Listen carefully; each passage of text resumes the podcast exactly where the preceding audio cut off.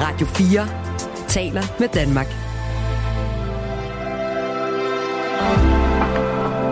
Velkommen til morgenrutinen.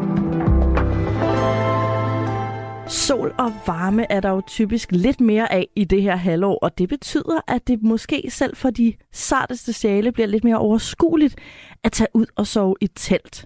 Og det er det, vi skal tale om i morgenrutinen i dag. Og med mig i studiet har jeg Jesper Vestmark, kendt fra Danmarks Radios Alene i Vildmarken. Velkommen til dig, Jesper. Mange tak. Tak for, at jeg må være med. Det var så dejligt, du dukkede op her og tidligere om morgenen. Ja. Det, det tør man godt spørge en om, der har været i Vildmarken. Så føler man ikke, man krænker en, øh, en komfortperson. Nej, det er rigtigt. Det kan du godt klare. Klokken Det er jo kan- fem. Ja, det er omkring, ikke? Jeg bliver nødt til at starte med, at jeg er en kæmpe Alene i Vildmarken-fan. Jeg ser Mhm. det hele året, og jeg ser alle de gamle sæsoner og de nye sæsoner i et væk. Når man sådan har været med, hvad er så det hårdeste? Er det hårdest at være i Vildmarken, eller er det hårdere at se programmerne, hvor man er i Vildmarken? ja, det er et godt spørgsmål. Øh, og altså, der ligger jo altid en spænding op til et program, fordi jeg ved jo ikke, hvordan øh, jeg er klippet for det første. Øh, hvordan de har sat det sammen, det jeg har gået og rodet med derude. Og øh, jeg, meget af det kan jeg slet ikke huske, jeg har, jeg har lavet. Altså, sådan, sådan er det jo. Det er et stykke tid siden jo. Men, øh, men det er sådan meget umiddelbart og meget naturligt for mig at gå rundt på den måde og have de her overvejelser, og, og hvordan jeg er i vildmarken, og hvordan jeg og, ja, overlever og får tingene til at fungere. Så øh, der er nerve på, når man skal se programmet, og derude er det umiddelbart, vil jeg sige. Ja, så det er to forskellige udfordringer. Det må man sige, ja. Ja. Øhm, det er jo sådan, Jesper, at øh, jeg synes jo, at du er rigtig god i Vildmarken. Du fortæller meget. Altså, mm-hmm. det er som om, at din, din øh, indre dialog, den, den er faktisk ydre. Mm-hmm. øh, kan man mærke, når du går rundt derude, at du sådan er overvejelserne bare af tanker, der bliver sagt højt. Mm. Øhm, men når jeg ser alene i Vildmarken, ikke, så laver jeg en varmedunk, og jeg tager mit blødeste tæppe, og jeg laver sådan en lækker te, og så ligger jeg rigtig og hygger og leger, jeg er i et telt, men bare har det rigtig godt, og det er jo mega snyd. For det er vel ikke et komforthyggeophold, man er på. Jo, det er det også. Altså, det, det, det vil jeg sige, det også er. For der er jo helt klart stunder, hvor at det er, hvor du slipper, du ikke er i det der overlevelsesmode, du ikke skal finde mad, hvor du har fundet mad, du, du er i den der hyggetilstand. Og øh, der vil jeg sige, at det er, det kan godt være nogle gange, som at ligge der øh, og hygge sig, men, men det er jo helt klart en anden oplevelse, når det regner, og man er i miljøet, og man ved, der måske ikke er mad næste dag, eller næste dag, eller næste dag igen, og, og, og det er jo klart, det giver jo sådan en eller anden nerve derude, øhm, som, som godt kan presse en lidt mere øh, i, jeg kan forestille mig, at du kan gå hen og åbne et køleskab, og så vide, der er et eller andet derinde. Jo, jo, men altså, når jeg ligger der, så kan det jo godt være super stressende at vide, at jeg ligger så godt, og nu har jeg lyst til en snack. Og skal jeg så rejse mig? Eller skal jeg blive liggende? Store beslutninger. Det er voldsomme beslutninger, jeg giver dig fuldstændig ret. Ja, ja. Men altså, hvis man både fryser og er sulten og er træt og har ondt, fordi der kommer jo skader, når man render rundt i naturen. Altså, hvordan, hvordan kommer man så ind i det der hygge og sådan gode oplevelser? Det er så svært for mig at forstå, fordi jeg er så komfortsøgende. Ja, jeg forstår. Jeg vil sige, der er lige øh, tre dage, hvor vi lige skal vende os til, at kulhydratet og sukkeret fors- øh, forsvinder simpelthen fra kroppen, og der opdager man egentlig, hvor afhængig vi egentlig er af de her øh, ja, sukker. Øh, og øh, det, der så er herefter, det er, at så er det fedtet, der mangler. Og, og, og som vi ved, så kører hjernen jo på det her sukker, på det her fedt. Og lige så snart den begynder at, at slippe, ikke har sin, sin drivkraft mere fra de her hurtige øh, kulhydrater, øh, så kommer der sådan en naturlig ro ind, øh, og en sådan meget afstresset tilstand til stede. Og for mig er det jo virkelig noget af det, og hvorfor jeg er i naturen, det er jo netop for at komme ind i de her tilstande, hvor at jeg får lov til at øh, ikke have min hjerne op øh, og køre 120 km i timen, men virkelig få den til at blive stille. Og når først øh, hjernen den begynder at blive stille, den ikke har den samme kraft, så kommer der sådan en naturlig anden tilstand godt nok, men en tilstand af at være og, og være sammen med naturen. Og i, i det her felt, jamen så, så er der sådan en dejlig overgivelse ind i om, jeg kan ikke gøre noget, jeg er nødt til at arbejde sammen med naturen. Og der kommer der faktisk en anden form for hygge. Det er ikke lige den der, som du beskriver med under tæppet og noget, noget snacks og noget, men, men, men det er en anden øh, luksus, øh, som er at være sammen med naturen og være i naturen og, og lade den øh, være den, der styrer. Øh, ikke at lade ens sind hele tiden være det, der vil styre, men, men, men prøv at overgive sig til noget, der er større, som naturen der, og der i opstår der sådan, kan vi kalde det en luksus-naturhygge, som er helt klart noget andet. Ikke? Ja. Ej, det lyder jo helt... Du lokker jo. Ja.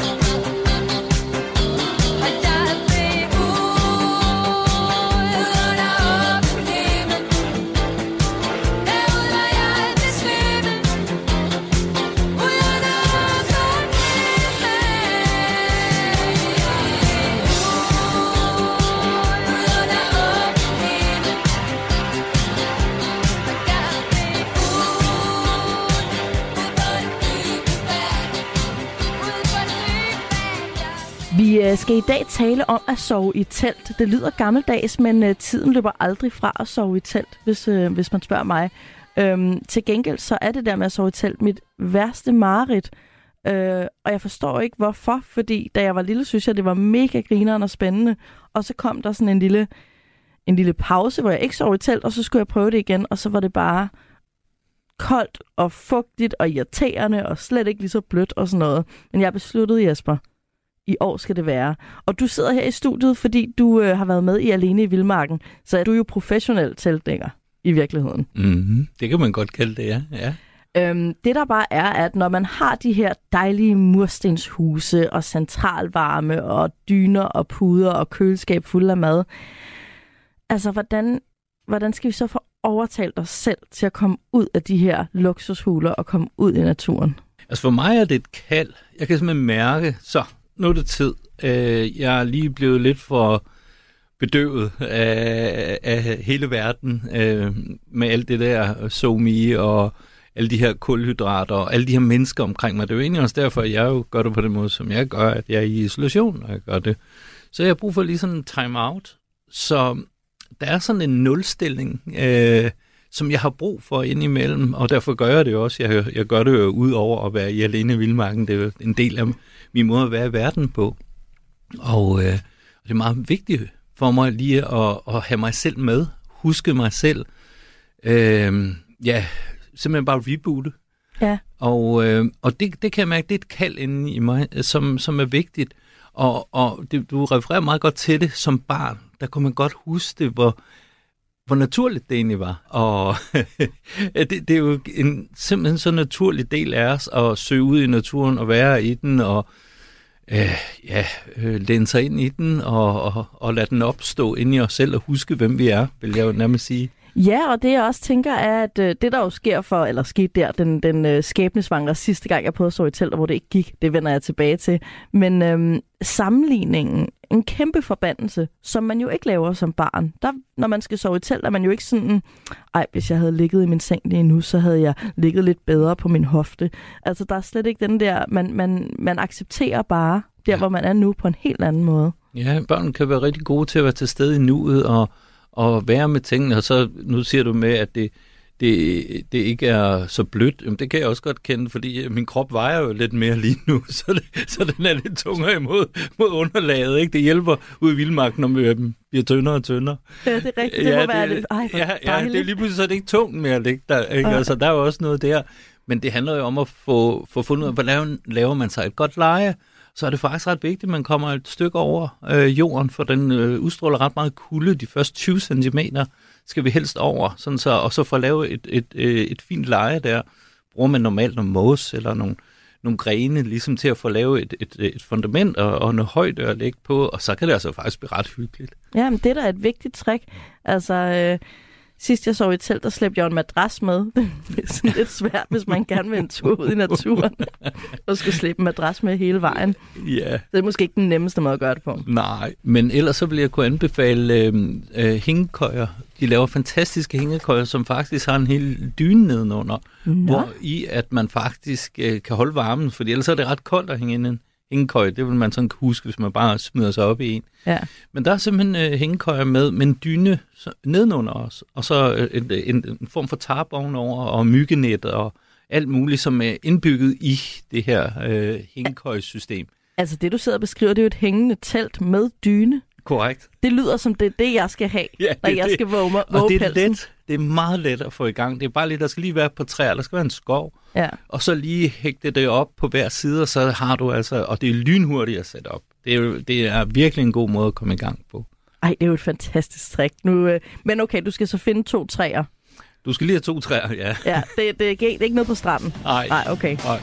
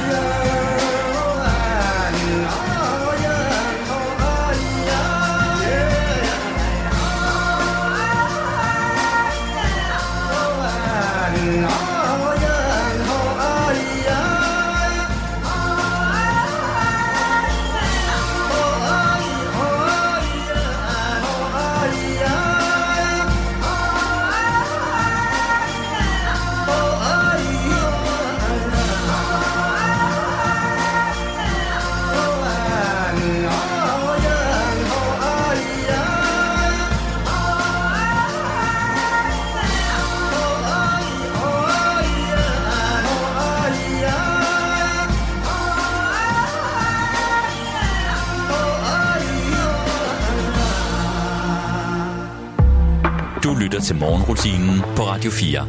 Det var det store 90'er hit Return to Innocence med tyske Enigma.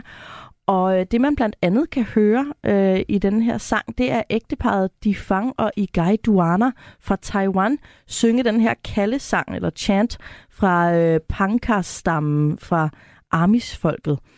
Og øh, det her kald, eller den her chant, man hører i sangen, det blev optaget i Paris i 1988, da det her øh, ægtepar fra Taiwan var på en øh, kulturudveksling.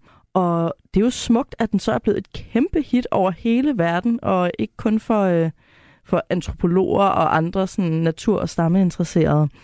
Men til gengæld var det måske ikke så smukt, at en masse pladeselskaber tjente kassen på at bruge den her sang, uden nogensinde at kreditere øh, de fanger og i guy med deres indspilning. Men øh, intet er så galt, at det ikke er godt for noget, fordi ægteparet gik faktisk rettens vej 10 år senere i 1998 og fik noget kompensation for, øh, for de her bunker af kontanter, der var væltet ind fra deres chant, som, øh, som altså er, er samlet af Enigma her.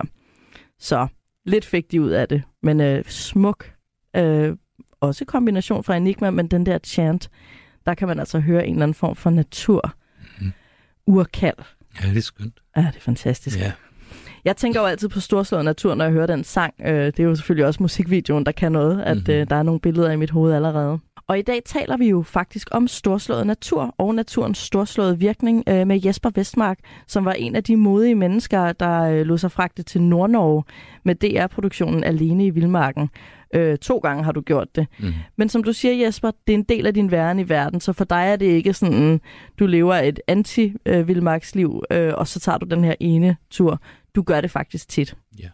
Og du siger, at en del af det her med at tage ud i naturen, det er også at være alene, som jo også er en del af konceptet alene i vildmarken. Mm.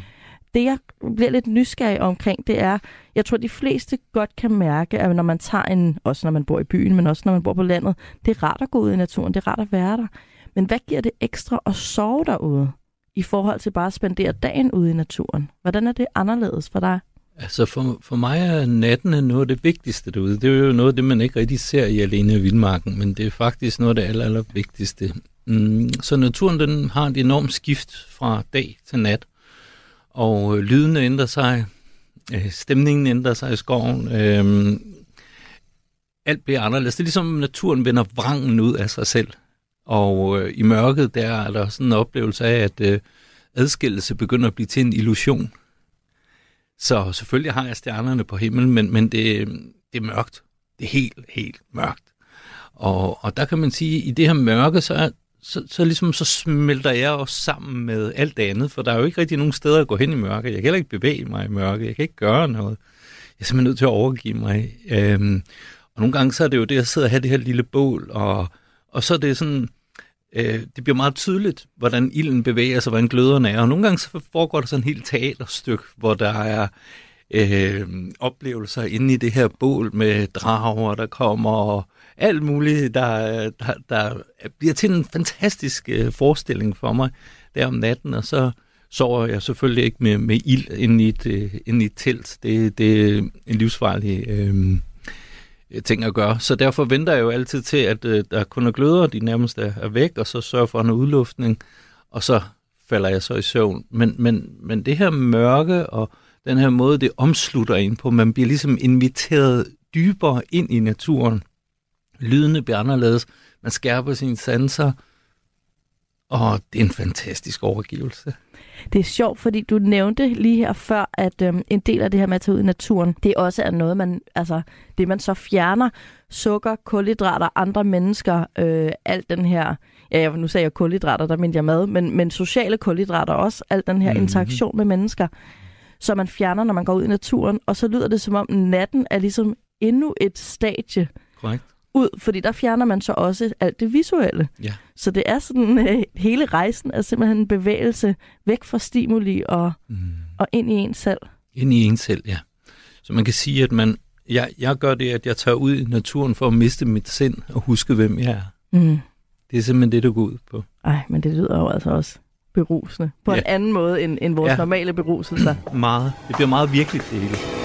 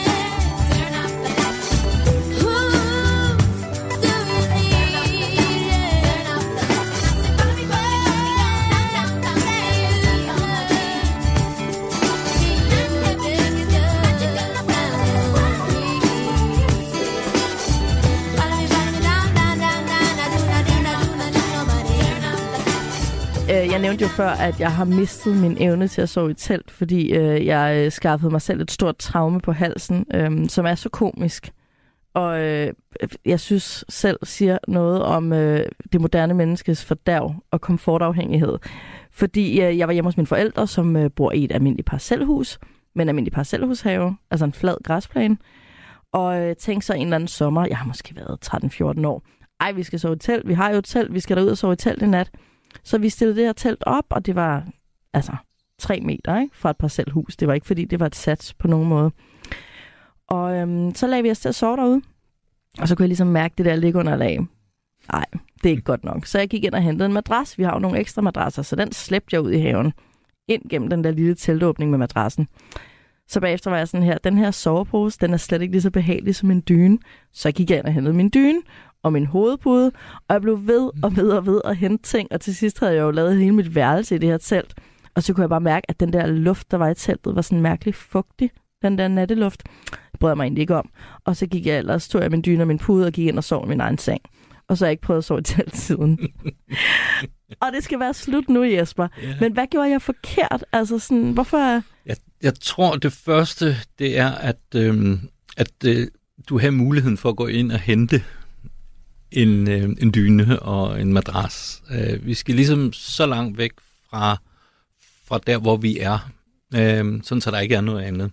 Vi er Mm. ligesom nødt til at putte os selv i en position, hvor det er, at det er her, og her kan jeg ikke bare lige tage hjem. Og, Øh, vi skal øhm, fjerne valget. Det er jo også ja, ja, vi er det, eksistentialisterne altid taler om. Ja, vi skal fjerne valget, ikke også? Ja. Ja. Vi, skal, vi skal ligesom øhm, lære, fordi sindet vil har så mange hele tiden, som du beskriver der, øh, muligheder for at vil øh, gøre det rart for en, eller ja. komfort, og, eller sådan bliver lidt vag i det, ikke? Uh, og, og det er egentlig det, vi, vi, vi skal sådan lige prøve at sige, ej, det er altså mig, der bestemmer her. Uh, nu har jeg bestemt, vi er her.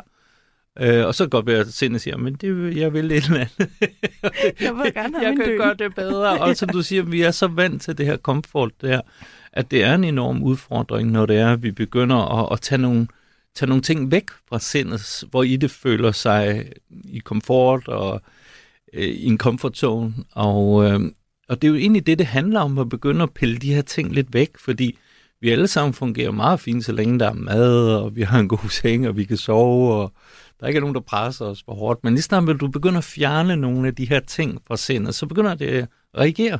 Ja. Og, og det er egentlig den reaktion, vi skal, øhm, vi skal kunne. Fordi den kommer vi til at møde hele tiden i vores dagligdag. Så det er også en træning i at være i verden, øh, når tingene fra sindets side øh, bliver sådan lidt for bedøvet, lidt for komfortagtige. Ja, og man øh, ikke kan få alt, hvad man vil have hele tiden. Ja, jeg tror, vi kommer til at glemme, hvem vi er simpelthen i det felt. Altså, det, det, det, vi, vi, vi, vi er rå, vi, vi er powerful. Altså, Ja. vi, vi kan noget, os mennesker. Vi, og jeg hører også alle, der, der ligesom går over de her skridt, øh, eller comfort zones, øh, de siger, "Men jeg kan jo meget mere, end jeg tror, jeg kan. Og det kan vi alle sammen. Vi skal bare lige derud, hvor det lige tør slippe lidt. Så det handler om at komme lidt ud af et miljø, hvor det var muligt, men at lige turde tage lidt længere væk, og så skal man så også virkelig mærke efter, for isolation er ikke noget, man skal lege med, vil jeg så lige sige. Nej, det er ikke for sjov. Nej, det er ikke for sjovt. Der er en grund til, at man bruger det som den værste straf øh, i fængsel. I fængslet, ja. ja, det er det. Og de er ikke engang i isolation, for der kommer jo nogen, der lige banker på og giver dem mad.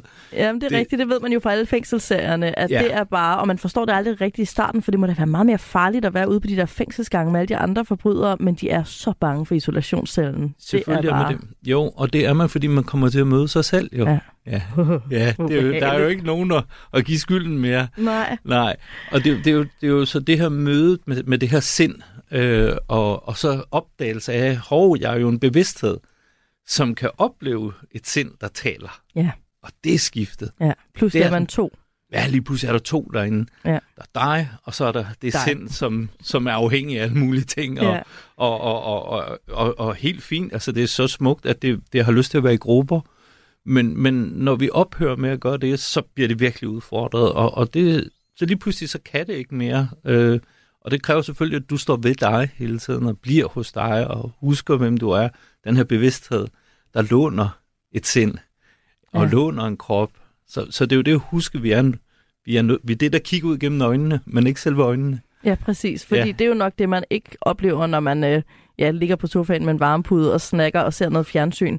At så er man jo kun sine sanser og, og ikke Ja. bevidsthed overhovedet. Præcis. Det er sjovt, for jeg kommer lige i tanke om, jeg glemte jo at sige i, min, i, min, øh, i mit telttraume, at jeg også var inde og hente en bog, fordi jeg kunne ikke finde ud af at ligge stille. Så jeg skulle snart, jeg skulle ind, og, øh, så måtte jeg have en lommelygte, og så kunne jeg ligge og læse. Og, altså, hvis det ikke havde været 90'erne, så havde jeg helt sikkert taget min telefon og set fjernsyn. Men man kunne ikke slæve VHS-maskiner og alting ud. Det var for Nej, besværligt. det var for besværligt. Det. Men, øh, men samme restløshed, som man mærker, når man afslutter en serie på Netflix og ikke har noget at se.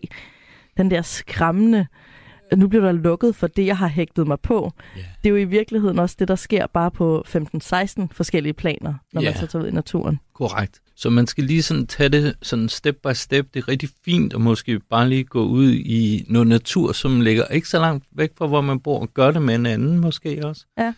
Øhm, og så kan man lige så stille begynde, at- jeg vil især sige, hvis man begynder at arbejde med isolation, som altså endelig ikke mere end tre dage til at starte med. Det, er- Nej, altså for mig, jeg tænker jo, jeg, jeg starter med at tage en tur ud og sidde der i fem minutter, og så tager jeg hjem igen. god idé. Og så øh, ugen efter kan det være, at vi tager en halv time. Ja, Og måske i løbet af, af sæsonen kan jeg nå at sove en nat i telt. så flot. Det kunne jo være så flot. Altså, det, Ja. det ville være helt fantastisk. Ja, det vil være sejt. Ja.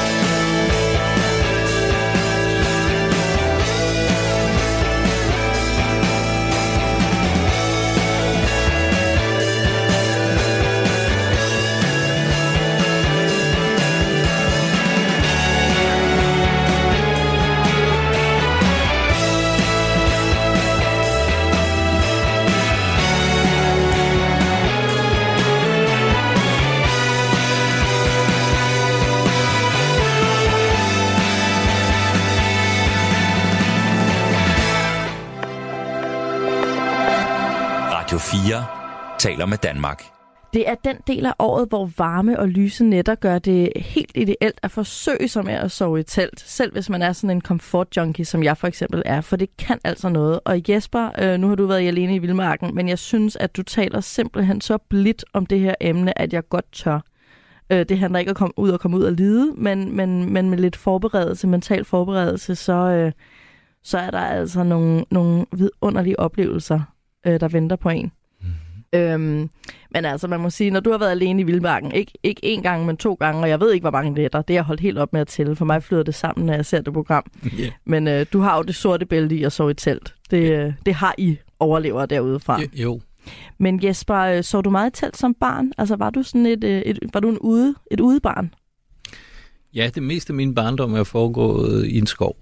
Okay. Ja, så jeg er opvokset et sted, hvor jeg øh, søgte ind i en skov og, og var. Øh, det var en stor del af min øh, opvækst at være i naturen. Og øh, øh, ja, det er et rart minde for mig at være i naturen. Øh, jeg har hele tiden mærket, at den har holdt mig. Og elsker at komme ind i det der neutrale felt, så man kan sige, at naturen god eller den ond? Man kan sige, at den er. Øh, og det er sådan et meget neutralt felt for mig at være. Den, det, der er ikke noget... Jo, så kan du sindet se det fra en side, og så kigge på naturen, men Men det er jo historiefortælling. det er historiefortælling. Men når du virkelig er, og det er jo egentlig det, der er nogle af de der fantastiske oplevelser, det er, at man bare er. Så når vi kan komme ud af sindet med det gode og det onde, men er sammen med noget, der bare er, så er det også det, der sker ind i os selv, og så er jeg bare. Ja, det er sjovt, fordi jeg har også tænkt på, at der er en af deltagerne også i år i Vildmarken, som, øh, som har den, den coping, at når, når fiskenettet filtrer sig sammen og så, noget, så bliver hun så ej, hun er øvrigt fra Sorø, hvor jeg også er fra. Fedt. Øhm, og jeg kan bare så godt relatere til den der ejskab. Sådan, ah. Og jeg tror, hun rammer mig rigtig meget, fordi jeg går også i relation med ting. Altså, når der er noget, der ikke går min vej, Mm. så synes jeg, det, det er sådan en lidt fornærmelse, eller sådan, det er det er et overgreb mod mig. Og det er svært at være i naturen med. Altså, så kommer man meget hurtigt op og skændes med elementerne. Og det er jo et skænderi, man ikke vinder Ja, øh, på nogen måde. Så det, øh, det, det sidder jeg meget og griner af og tænker, ej, hvis jeg turer, så kunne jeg komme op og skændes med en, en træstup. ja sagtens. sagtens. Øhm, men okay, så du har haft skoven som, som et, øh, en del af, af dit liv faktisk hele tiden. Ja. Men øhm, har du nogensinde holdt nogen pause fra naturen, eller har det været en kontinuum hele tiden? Jeg har hele tiden været, været det, der søger ud i naturen. Nu- Nu bor jeg også på en ødegård op i Sverige, hvor i at jeg er ude i naturen, kan man sige, øh, det meste af tiden. Ja. Og der er jo halvdelen af mit liv jo, så, så det vil sige, der får jeg jo helt naturligt det, det opfyldt. Jeg kan forstå, hvis jeg kun var inde i byen, så ville jeg nok søge meget mere ud, men jeg er jo derude hele tiden. Ja, du bor der. Jeg bor derude, ikke også? Øh, og er derude øh, rigtig meget. Øh, så vil jeg sige, lige efter jeg har været i Vildmarken der øh, første gang med kameraet, hvor det var en måned, jeg var derude, der, der fik jeg lige en lille pause bagefter. Der tog det ligesom ja, et år, øh, før jeg havde lyst til at tage ud igen. Jeg blev, og jeg var lidt bange for at få en overdosis af det faktisk. Øh, så det, det er hele tiden det, jeg sådan overveje. Det må ikke blive til en dårlig oplevelse for mig derude, så, så jeg vil altid være der, og jeg vil sige, "Ah, okay, her tager jeg ikke længere, fordi det er så heldigt et sted for mig. Ja, og det ville være rigtig ærgerligt, hvis det blev, ja, hvis det blev så dårlige oplevelser, Ja. ja. at du ikke orkede Ja. ja. at genfinde det gode ved det. Præcis. Ja. Så det er hele tiden den her balance, som, som er til stede, hvor det er, at jeg er i den, og, og, og så opstår jeg som det her ene væsen, kan vi sige, ikke? Altså, jeg forudser jo, når nu jeg skal kaste mig ud i den her, øh, det her store projekt, jeg har med at sove i telt en nat ja. øh, i den her sæson. ja. Det, det lyder så uambitiøst, når man sidder over for en vildmarksmand. Nej, det, det er bestemt ikke. Jeg kan mærke, du ikke dømmer mig, det er jeg glad Nej, for. Jeg det kan gør jeg mærke, bestemt du, du ikke. godt forstår, at det er en stor Det- ting for mig. det er en stor barriere at, at gå ud over og, og lade sig opsluge i, i det vilde, Ja. Ja, i naturen, for den er vild. Ja, den er, og det, det er jo mange sutter, øh, hvis vi havde været en baby. Ikke? Det er mange sutter, vi er afhængige af. Jo, det er jo jo. både altså netop øh, bøger, øh, Mm. mm. Netflix, mm. andre mennesker, mad, varme, tørhed, alt det her. Mm. Jeg kunne godt tænke mig at, at prøve at forberede mig lidt på de her... Øhm, altså, jeg vil Mm. gerne forberede mig lidt på, øhm, når mit sind begynder at gøre modstand. Altså, hvad så når sulten melder sig? Og så er der kulden og ubehaget. Og hvad med søvnløsheden? Jeg kan allerede mærke, at jeg kommer der til at ligge og stige, fordi mit nervesystem står og stritter, fordi jeg har fjernet alle mine sutter mm. hjemmefra. Ikke? Mm. Øh, og jeg, altså ensomheden som det sidste element. Hvad, hvordan skal jeg, hvad skal jeg sige til mig selv, når alle de her øh, storme begynder at rase omkring mig, inden i mig? En smuk måde at beskrive det på. Sindets storm. Ja. Ja, og øhm, så, så en af tingene, det er, at du kommer nok ikke rigtig til at mærke sult øh, på døgn. Øh, det, det tager lidt længere tid. Du kommer til at mærke en masse kulhydratafhængighed. Ja, Ja. det er det, jeg kalder sult. Det, det, det, det er det, vi kalder sult os mennesker. ja, så, så der er ikke- der er ikke sult Marabou-chokolade. andet. Ja, sult er noget andet. Ja. Øhm, nej, vi, øh, kulhydratafhængighed. Og, ja. og den her, det er jo en, en kraftig addiction. Og øhm, så den her afhængighed for, for kulhydrat, den, den kommer til at give dig en ekstrem hovedpine. Ah, Så det er, som jeg sagde, tre dage øh, før de her hovedpiner, de begynder overhovedet at ophøre. Så, så det vil være noget af det, du møder. Du vil tænke, at øh, jeg har fået influenza. det tænkte alle i Vildmarken også i år. jeg, har fået jeg, influenza. jeg, har fået lungebetændelse. man, man, man skal ligesom igennem noget, der minder om øh, en Ja. influenza-tilstand. Og en lille corona. En lille corona, den, napper man lige. Så, så der er lige sådan en, en virkelig en, en, ja, en afklædning, og øh, virker, kroppen bliver varm og kold. Altså, den, den er virkelig Det er jo abstinenser, som man kender det fra de film, der handler om narko. fuldstændig. Ja. Ja. Det, det, mind, det vil minde om det. Ja. ja. Okay. Øh, så det skal man lige være forberedt på, hvis der du vælger at faste samtidig med Min, min, min 8 timers faste. din 8 timers faste. Nej, det er ikke sikkert, det kommer til at gøre det. Nej, vi må se, om jeg kan nå at få lidt abstinenser også, ja. Ja, ja, ja, du skal nok ud på dag to og tre, før det her det Ja. ja. virkelig kigger ind. Ikke? Ja, okay. Det er der nok nogle år til, jeg når derop. Ja, men, så, så, men øh, forberedelsen er alligevel vigtig at vide, at det er det her, der kommer til at ske. Ja. Øh, og, og det er en udfordring, en voldsom udfordring. Så det er faktisk ikke øh, så meget isolation til at starte med, at den kommer først øh, senere, når der er renset ud fra de her gulvhydrater afhængigheder. Og så er der selvfølgelig det der med lige at kunne holde varmen også. Den, den, Ja. den trykker også en. Øhm, Jeg er meget kuldskær, Jesper. Jeg Ja. bliver faktisk i dårlig humør, bare jeg tænker på. Ja. Nu sidder vi i et studie, hvor der er rigtig fin udluftning, mm, og jeg kan ikke finde ud af at skrue ned for den, men det er faktisk lidt for koldt til mig, det er her. lige koldt. Jeg kan lige koncentrere mig. Okay, det, det glæder mig. det glæder Så hvad gør jeg? Så sidder jeg derude i naturen. Ja, for det første er det enormt vigtigt, at man har det rigtige tøj på. Så det kræver uldtøj. Øh, uldsokker, uldtøj og øh, uld er guld, som de siger i Norge. Uld er guld. Uld er guld. Og, og det, det er simpelthen så vigtigt, fordi du bliver våd ret hurtigt. Det er også det, du taler om. Der Ja. er fugtigt. Og uld har den øh, ting, at det kan holde varmen, selvom det er vådt. Ah, Så derfor, hvis du har sådan noget syntetisk på, så, så kan du ikke holde varmen derude. altså du er jo bare i vand. Ja. Så du, du er nødt til at uld på fra top til to. Altså, der, der er ikke noget, der ikke er uld. Og nu skal vi huske, altså man bliver ikke våd, fordi regnen står ned, for så bliver jeg nemlig hjemme, skal jeg sige det, Jesper. ja, ja. Men det er jo noget med natteluft. Det, Det det vådt. har, så, du, så man skal jo have, ja, der, vi, vi kender det jo, når dukken falder, Ja. siger vi ikke. Og det, det er jo, så der skal du jo nødt til at have noget præsending over dig. Men, men så er der også den afgivning fra, fra ja, sten omkring dig, og den jord, du er, øh, medmindre du selvfølgelig har bund i teltet. Det kunne jo, så det, der er plastik i, i bunden af teltet, det vil også være fint, og så slipper du for noget af kondensen. Mm. Men den måde, jeg er derude på, der har jeg jo ikke noget plastik i gulvet. Der ligger jeg jo direkte ja. på, på jorden eller på sten, eller hvad det er, jeg har valgt, strand. Og øhm, øhm, så der vil naturligt komme noget fugt, så der skal noget udluftning til derinde. Øh, bål skal man virkelig være varsom med. Ja, det et tror jeg bare ikke, jeg skal. Nej, det, det skal man virkelig vide. Øh, det vil jeg sige, lad være med at gøre det, hvis ikke du ved noget om det, fordi det er faktisk der, de fleste ulykker opstår. Jamen, det giver mening. Ild, Ja. ild er ikke, det, det er ikke for sjovt, man siger, at man ikke skal lege med ilden. Nej, det er også fordi, det kvæler, det tager ilten ud af teltet. Ja. Så der skal være noget, noget luft, der kommer igennem, øh, og sådan så man kan tørre lidt op, og så handler det om at have en god sovepose. Ja. Ja. Så, så, så lige så snart vi, vi er i en god sovepose, vi har uld på, og så tager man alt sit tøj og smider ned i bunden af soveposen, for eksempel. Ah. Så det ligger dernede som ikke. Så det skal, den må gerne være ekstra lang, selvom de vil sælge en, der lige passer dig. Ja. Så skal du helst tage en, der er lige lidt længere, fordi hvis det er, du vil lave de her ting, så tager du alt dit tøj og smider ned i bunden af soveposen oh, så er du faktisk, så tørrer det faktisk dernede ja. også lidt, og du, du kan faktisk også og i løbet af natten tørre dit uldtøj op, ej. når du ligger. Og, Øhm, så så det, det, det er et rigtig vigtigt træk også. Øh, øh, og så er der det at øh, kunne overgive sig. Ja, det bliver det Sådan sværeste. her må jeg gerne have det. Ja. Ja. det. Ligegyldigt hvad der opstår. Sådan her må jeg gerne have det. Og der hjælper meditation fuldstændig afgørende for, hvordan vi er derude. Så det at kunne meditere er så vigtigt. Så jeg vil sige, hvis det er, at man tager ud for at sove i telt, så prøv at have en anden ting med dig også, som ligesom er det, der er med til at, at, at pege ind i bevidstheden.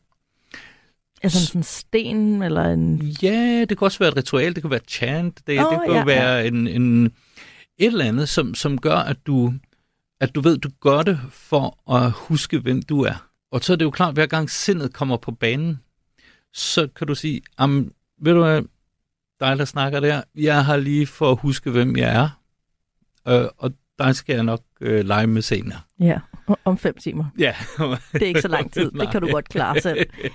Men, men ja, nu og meditation. Jeg har prøvet, øh, forsøgt mig med meditation, og jeg, og jeg kan faktisk, jeg har lært mig selv det i, der er vidunderlige apps, Mhm. mm. som virkelig kan møde en begynder. Mm. Øh, med at man mediterer i, i, du ved, halvanden minut. Mm. Mhm. Det kan alle klare. Mm.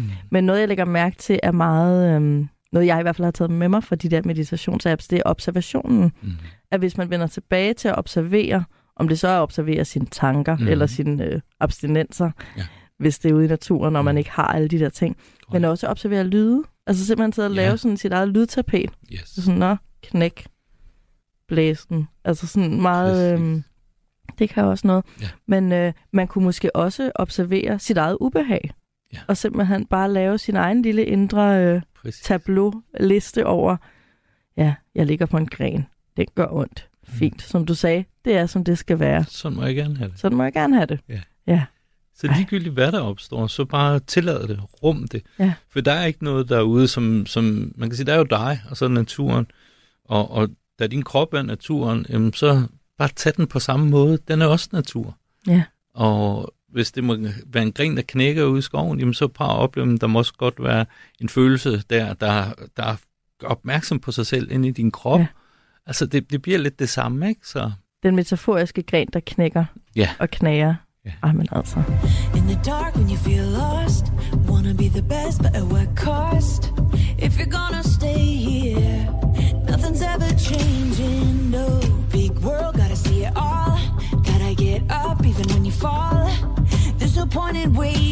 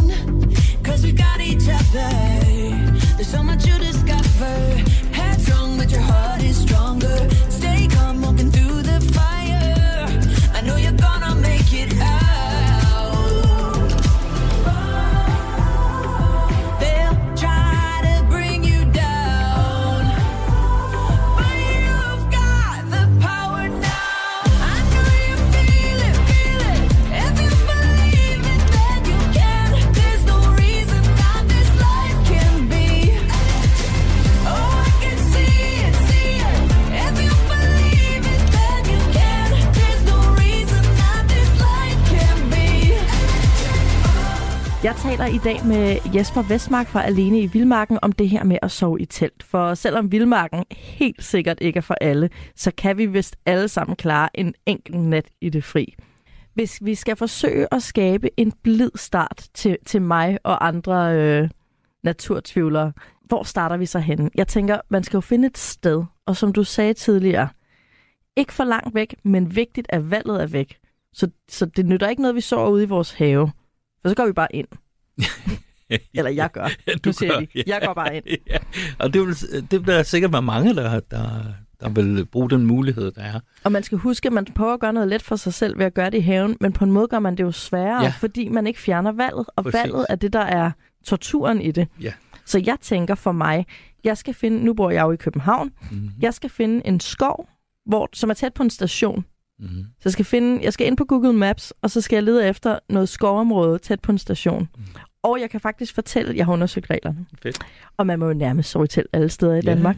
Men jeg skal vel også have noget udstyr. Og du talte tidligere om uld. Uld Ja. er guld. Uld er guld, Ja, og det er meget, meget vigtigt. Så er det vigtigt, at du har en kniv med. en kniv. Ja, øh, sådan så du, du kan lave lidt, gøre lidt, du ved, finde en pind og sidde og snit i, prøv at komme i kontakt med dine hænder og bruge hænderne lidt til noget Ja. kreativt, eller finde på et eller andet andet kreativt, du kan gøre, øh, men ikke sådan noget, der stimulerer dig med en bog og den slags ting. Prøv, prøv at blive aktiv med dine hænder og gøre noget, bygge noget. Ja. Øh, og det er jo egentlig det, der er magisk ved det, altså så kan du, kommer du til at manifestere et eller andet, som, som ah, det er det her, jeg ikke har haft tid til at gøre, eller hvor er det spændende bare at sidde og snitte det her, være til stede i, i mine snit, og der skal man huske lige altid at snit væk fra hånden, det er sådan en helt Ja. naturlig spejder-ting, ikke også? Væk fra hånden, og bruge, og husk at putte Og, kniven, og ikke lige over låret. og ikke lige over låret, nej. Og altid, når vi snakker øh, sådan noget, husk at putte, man må ikke lade en kniv ligge, for eksempel, Nej. med, med bladet åbent, det er vi jo vant til i vores køkkener. Ja. Men det dur bare ikke derude. Den skal, hvis man tager en kniv op med den, brug den til det, du skal, sæt den tilbage i skeden igen. Ja. Sådan ligesom du, du vender dig til at være i naturen og bruger den er sammen med den. Så det, så det er et samspil, der skal komme til stede med naturen. For ellers så, så bliver du en person, der er i naturen. Du skal ligesom læne dig ind i naturen være sammen med den på dens præmisser. Ja. Og så bliver det altså meget lettere det hele. Jeg kunne lige se mig selv sidde på en sten og stige mistroisk ud på naturen, mens jeg prøvede at være i naturen. ja, men det er jo det. Fordi Det så går prøv, så prøv at se noget på at lave adskillelse igen. Ikke Lige også? præcis. Så, så, så, vi skal jo ind i det her ind. Man skal ligesom invitere os ind, og det, det kan ikke gå hurtigt, at dit sind slipper, og at naturen inviterer dig ind. Så en lommelygte er vigtig, Lommelygte. er enormt vigtig. Øhm, Skal jeg lade min telefon blive hjemme? Det bliver det mest skræmmende. Oh ja, for ellers er du jo ikke alene jo. Ah, men du ved, jeg kunne sætte den på flytilstand. Og bare bruge lommelygten. Jeg bare på lommelygten. Og selvfølgelig, selvfølgelig Facebook. Ja, Let's altså- be real. Ja, ja, fordi... Skal jeg lige se, Men- hvad der sker. Men jeg vil sige, at man er jo ikke i isolation, hvis man har en telefon. Nej, det er man ikke. Nej, det er man ikke. Ikke engang på flytilstand for valget. Nej, for der valget. ligger et valg, og det, Ja. ja. det har vi snakket om, Ja. ja. ikke? Så det, det, det handler om at komme dybt ind med det samme, og ligesom tage, nu gør jeg det. Ja. Øhm, hvor skal man øh, øh, tisse og lave afføring hen? Hvor langt væk Jamen, fra der, hvor man sover? Don't shit where you eat. Nå, det, det er rigtigt. Jeg vil sige, altså når vi er ude i naturen på den måde, så er det en god idé lige at, at grave det ned, ikke? Jo. Øh, nu er det ikke det store problem, når, vi, når jeg er i vildmarken, fordi der kommer ikke så meget. Nej, det er bare, der er lukket for det. Ja, der er jo ikke ret meget mad, jo. Det er virkelig sjovt, når det med ja. i programmet, synes jeg også bare sådan, Nå, er du, ja, jeg havde afføring her for halvanden uge siden. Ja. Super. Super information. er de ikke kede af det? Shutdown. Nej, de er ikke kede af det. Det er sjovt. Ja, de er, meget, de er meget fri, men det er fordi, man er også meget fri. Ja. Altså, man er jo helt umiddelbar. Men man skal vel have en drikkedunk med. Altså, man tager jo ikke ud i naturen en nat uden vand. Vand er noget af det vigtigste. Du skal have 3 liter om dagen. 3 liter om dagen. Ja. Ja. Så det skal vi drikke. Telt, ligunderlag, sovepose, vand, kniv. Det er en god idé. Er det min liste? Det er din liste, ja. Ja. Og den mentale liste, Ja, den mentale liste. Øh, overgiv dig. overgiver. Øh. Øh, sådan må jeg gerne have det. Sådan må jeg gerne have det. Ja. Jeg tror, det bliver rigtig godt. Ja. Og jeg føler, jeg har mod på det nu, Jesper. Mm. Så tusind tak til dig, fordi du, både fordi du tog i alene i Vildmarken, sådan, så jeg kunne ligge hjemme på sofaen Ja, fedt. er det fedt. ja, og, og, og snyde være med ja. i projektet. Ja. Øhm, men tusind tak, fordi du kom ind og, øh, og hjalp mig med at komme i gang med det her projekt, jeg har med, at jeg skal altså ud og sove i telt. Bare det en bliver nat. så godt for dig, Det kan jeg bliver- godt sige dig. det Det, bliver bliver, så så, godt. så godt for dig. Du bliver så glad for det. Det er så vigtigt at gøre de her ting. Men husk at tage det full dose. Altså Ja. hele vejen ud. Ja. Og, og så ligesom bare bruge de her redskaber, vi har talt om. Lige de her få simple ting. Ja. Og så overgive dig. Og så Ja. vide, når hovedpinen kommer, jamen, Ja. ah, så må jeg også gerne have det. Ja, ja, det er okay. vejret. Det er en Tag del af det stille og processen. roligt. Ja. Ja.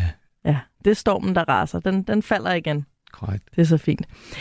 Tusind tak øh, til dig, Jesper, og som altid tak til alle jer, der lyttede med. Det er dejligt, at vi er flere, der er tidligt oppe og i gang sammen her om morgenen. Og jeg håber, at vi i dag har givet jer en god, frisk start på dagen, og måske endda lidt blod på tanden til at komme ud i naturen og være lidt sammen med os selv, eller lidt alene med os selv. Det, øh, jeg skal i hvert fald gøre det. Jeg håber, jeg har inspireret flere end bare mig til en enkel overnatning uden for vores små, komfortable indehuler, så vi kan suge lidt øh, frisk luft og den her berusende væren i verden til os, som, som bare ligger og venter på os øh, ude under åben himmel og øh, ude i den vilde natur. Peace.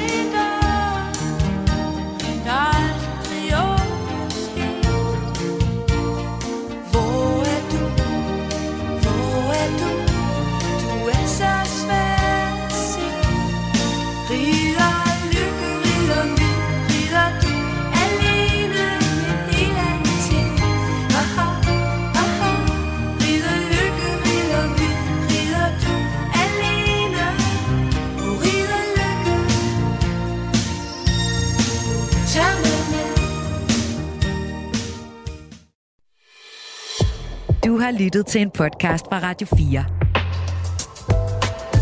Find flere episoder i vores app, eller der, hvor du lytter til podcast.